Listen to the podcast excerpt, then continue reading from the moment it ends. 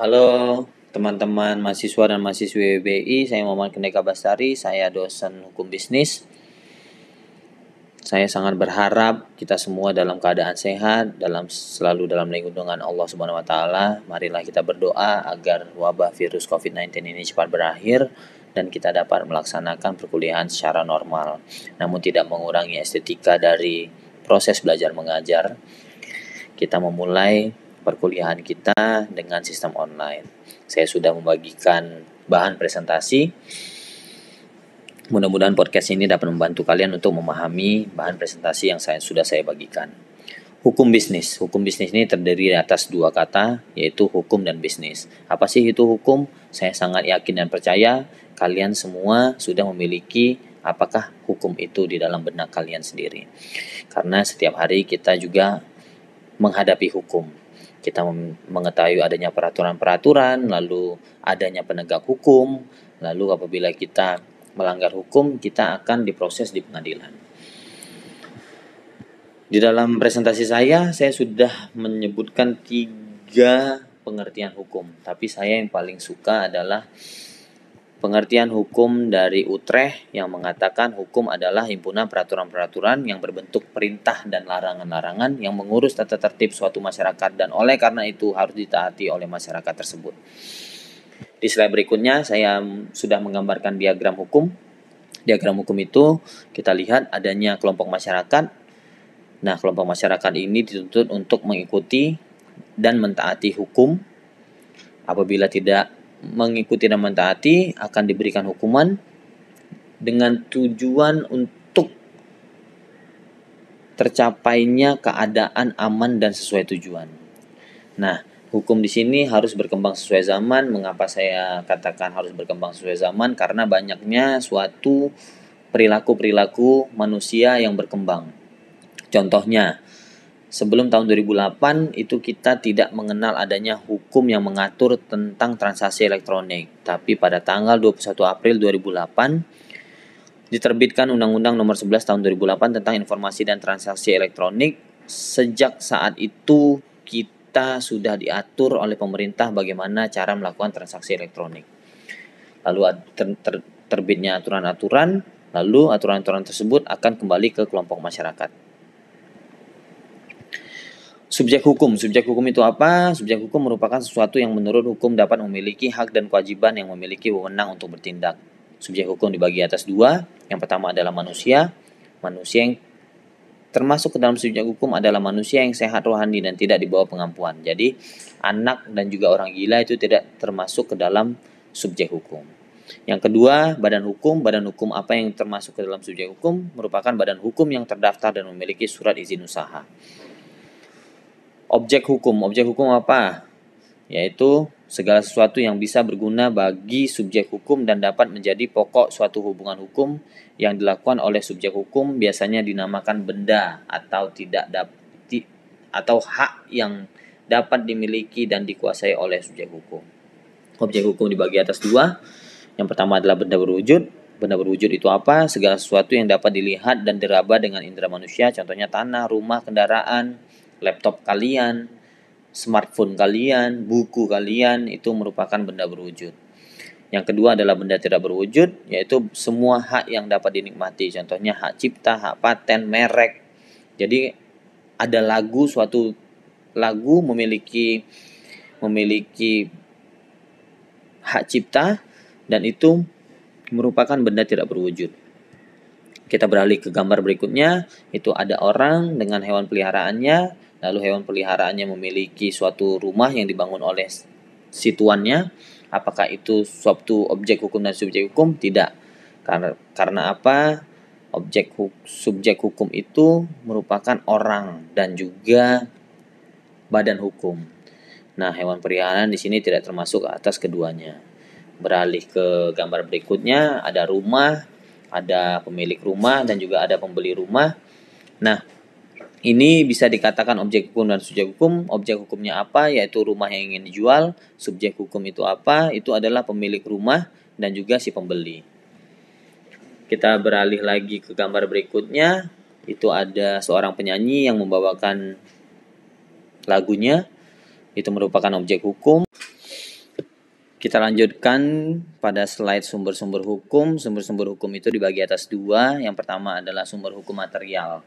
Sumber hukum material merupakan sumber hukum yang ditinjau dari sisi ekonomi, sejarah, sosiologi, filsafat, agama, dan sebagainya. Jadi, apabila suatu hal dianggap benar oleh dari sisi ekonomi, sejarah, sosiologi, filsafat, agama, dia dapat dikatakan menjadi sumber hukum.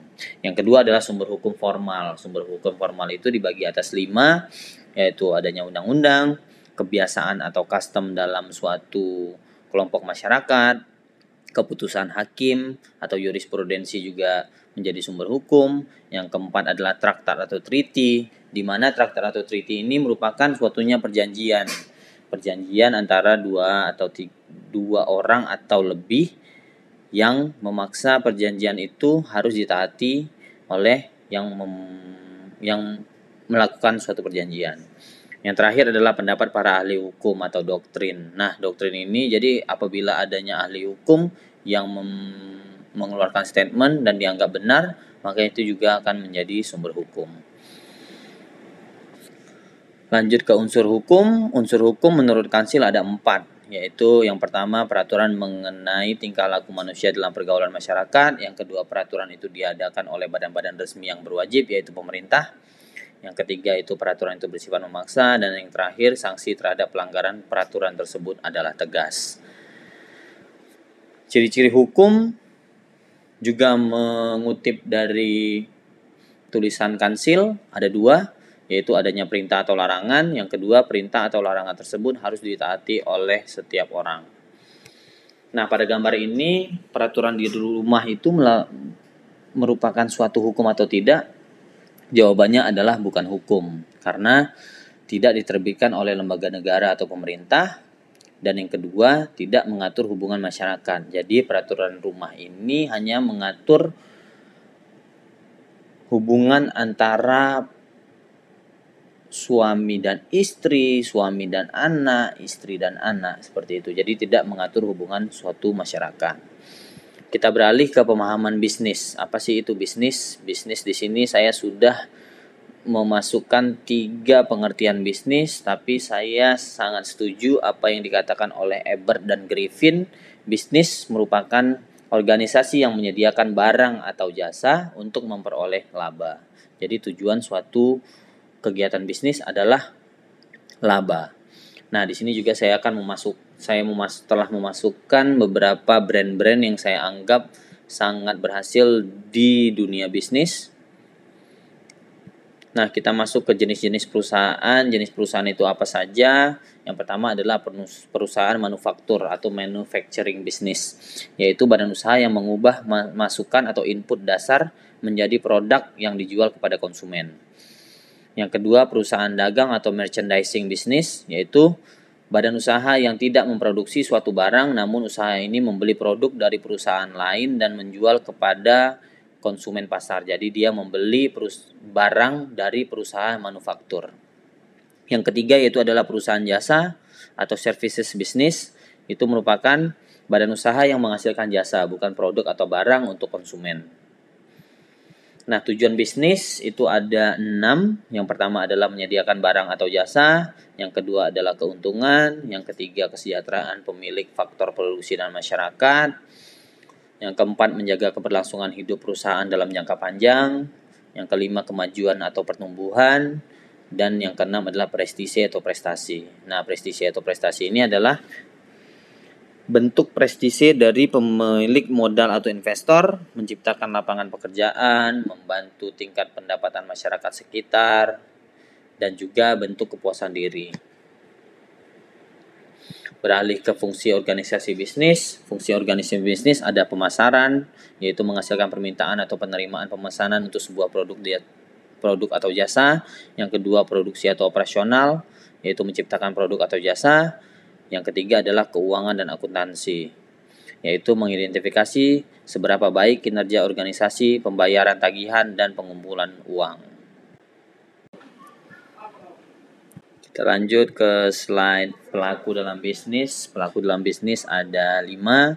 Yang pertama adalah pemilik, yaitu seseorang atau lebih yang memiliki modal untuk menanamkan investasi dalam suatu bisnis atau pihak yang mendirikan suatu bisnis. Yang kedua ada yang kreditur. Pemilik ini dalam menjalankan bisnisnya dia membutuhkan suatu dana atau modal. Nah, di sinilah hadir kreditur yaitu lembaga keuangan atau individu yang menyediakan pinjaman. Yang ketiga adanya karyawan, seseorang yang mendapat upah atau kesejahteraan atas keterlibatannya dalam memberikan tenaga dan pikirannya kepada suatu bisnis atau perusahaan. Yang keempat adalah pemasok, pihak di luar perusahaan yang bersedia untuk menyediakan bahan baku yang dibutuhkan oleh perusahaan untuk kebutuhan operasionalnya. Yang terakhir adalah pelanggan, yaitu konsumen yang menikmati atau menggunakan produk yang ditawarkan oleh perusahaan. Slide berikutnya yaitu pelaku kegiatan ekonomi ada rumah tangga, itu yang paling kecil, perusahaan, yaitu organisasi yang didirikan, dikelola, dan dikembangkan oleh seseorang atau sekumpulan orang dengan maksud untuk menghasilkan produk, barang, ataupun jasa yang dibutuhkan oleh masyarakat. Dan yang terakhir adalah pemerintah, yaitu lembaga ataupun badan pem badan pemerintahan yang bertugas untuk mengatur dan melakukan kegiatan ekonomi, mengatur pihak-pihak yang terlibat dalam sektor perekonomian, mengembangkan prasarana ekonomi, membuat kebijakan atau regulasi untuk pengaturan kegiatan perekonomian dan yang terakhir adalah mengembangkan prasarana sosial. Nah, perbedaan antara tiga pelaku bisnis yang saya katakan tersebut dapat dilihat dari gambar ini. Kalau rumah tangga itu skalanya kecil, perusahaan itu skalanya menengah dan pemerintah itu berskala besar. Kita lihat dari kebutuhan kebutuhan dari keluarga adalah kebutuhan keluarganya dipenuhi, kebutuhan perusahaan adalah profit perusahaan, kebutuhan dari pemerintah adalah kesejahteraan masyarakat. Dan yang terakhir adalah untuk keluarga pengambil keputusan itu sangat cepat, untuk perusahaan pengambilan keputusan itu cepat, tergolong cepat lah. Nah, untuk pemerintah itu pengambilan keputusan sedang atau lama. Kita lanjut ke struktur pasar persaingan. Yang pertama ada pasar persaingan sempurna, yaitu struktur pasar atau industri di mana terdapat banyak penjual dan pembeli dan setiap penjual dan pembeli tidak dapat mempengaruhi keadaan pasar. Ciri-cirinya perusahaan adalah pengambil harga atau price taker. Yang kedua, setiap perusahaan sangat mudah untuk masuk dan keluar. Yang ketiga, menghasilkan barang serupa dalam pasar. Dan yang terakhir adalah terdapat banyak perusahaan di pasar.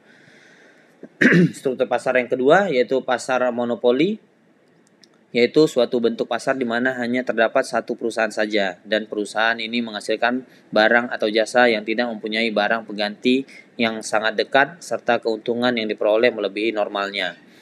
Nah, kalau misalnya di pelabuhan itu kita tahu pasar monopoli yaitu Pelindo. Pelindo ada 4, Pelindo 1, 2, 3, 4 yang memiliki daerah yang berbeda-beda. Nah, Pelindo itu tidak memiliki kompetitor. Dia menjalankan usaha sendiri dan di pasar itu ya hanya sendiri di Indonesia. Struktur pasar persaingan yang ketiga yaitu adalah pasar monopolistis yaitu suatu pasar di mana terdapat banyak produsen yang menghasilkan barang yang berbeda corak yaitu differentiated product yaitu ciri-cirinya terdapat banyak penjual, barangnya bersifat berbeda corak, perusahaannya memiliki sedikit kekuasaan mempengaruhi harga untuk masuk ke dalam industri relatif mudah dan yang terakhir persaingan untuk promosi penjualan sangat aktif dan struktur pasar terakhir yaitu pasar oligopoli, yaitu pasar yang hanya terdiri dari sekelompok kecil perusahaan. Terdapat struktur pasar yang terdiri dari beberapa perusahaan besar yang menguasai sepenuhnya pasar oligopoli. Ciri-cirinya menghasilkan barang standar atau berbeda corak. Yang kedua, kekuasaan menentukan harga, ada kalanya lemah dan ada kalanya sangat kuat. Yang ketiga, yang ketiga yaitu perlu melakukan promosi melalui iklan. Nah, di sini saya ingin bertanya kepada kalian, brand apakah yang kalian rasa di dunia bisnis itu yang hebat. Kalian dapat mengirimkannya melalui grup WA atau dari Google Classroom. Sekian untuk materi kita pendahuluan hukum bisnis.